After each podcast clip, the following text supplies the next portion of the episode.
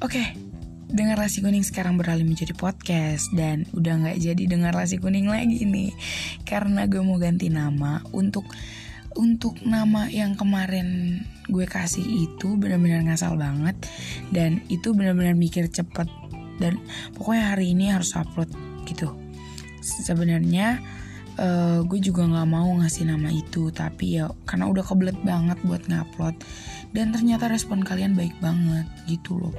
Terus gue mikir wah kayaknya hmm, gue lanjut di podcast aja nih. Ya udah gue semakin yakin untuk untuk uh, untuk apa ya untuk membuat podcast benerannya gitu.